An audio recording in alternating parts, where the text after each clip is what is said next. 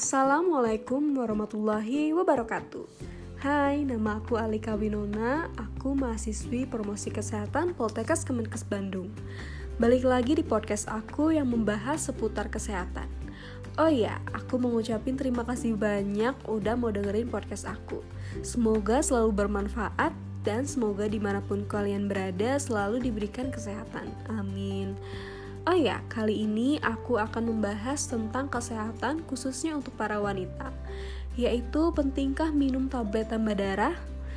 Hmm, kalian suka ngerasa nggak sih pusing atau lemes banget gitu kalau lagi menstruasi?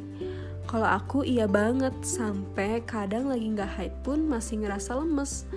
Kalau ada yang ngerasa sama kayak aku, yuk mending cek ke dokter deh karena bisa jadi kamu terkena anemia atau defisiensi zat besi. Menurut Riskesdes 2013 menunjukkan bahwa prevalensi anemia pada perempuan usia di atas 15 tahun sebesar 22,7%. Wah, lumayan tinggi ya. Buat kalian yang belum tahu apa itu anemia, menurut alo dokter, anemia adalah kondisi ketika tubuh kekurangan sel darah merah yang sehat atau ketika sel darah merah tidak berfungsi dengan baik. Akibatnya, organ tubuh tidak dapat mendapat cukup oksigen, sehingga membuat penderita anemia pucat dan mudah lelah. Nah, bener kan gejalanya sama?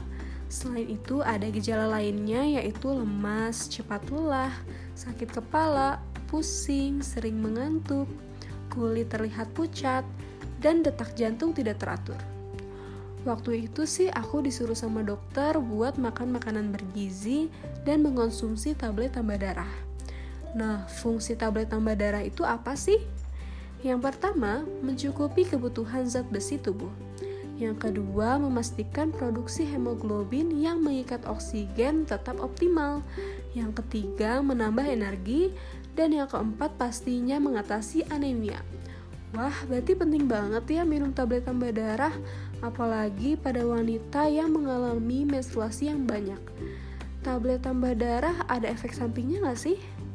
Nah, setiap orang kan memiliki kondisi kesehatan yang berbeda, sehingga perlu konsultasi jenis tablet tambah darah apa yang perlu dikonsumsi. Jika berlebihan, bisa saja terjadi efek samping seperti konstipasi, mual, muntah, hingga gangguan hati.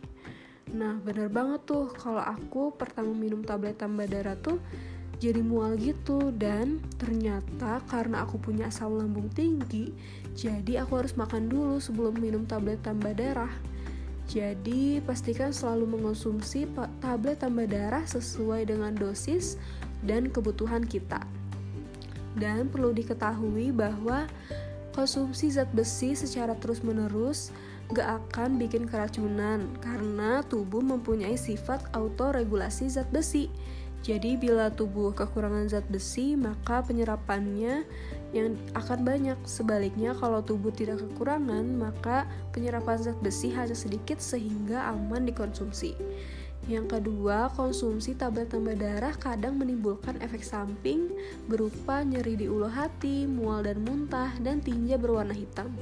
Hal ini nggak berbahaya kok dan buat peng, e, mengurangi gejala di atas dianjurkan minum tablet tambah darah setelah makan atau sebelum tidur.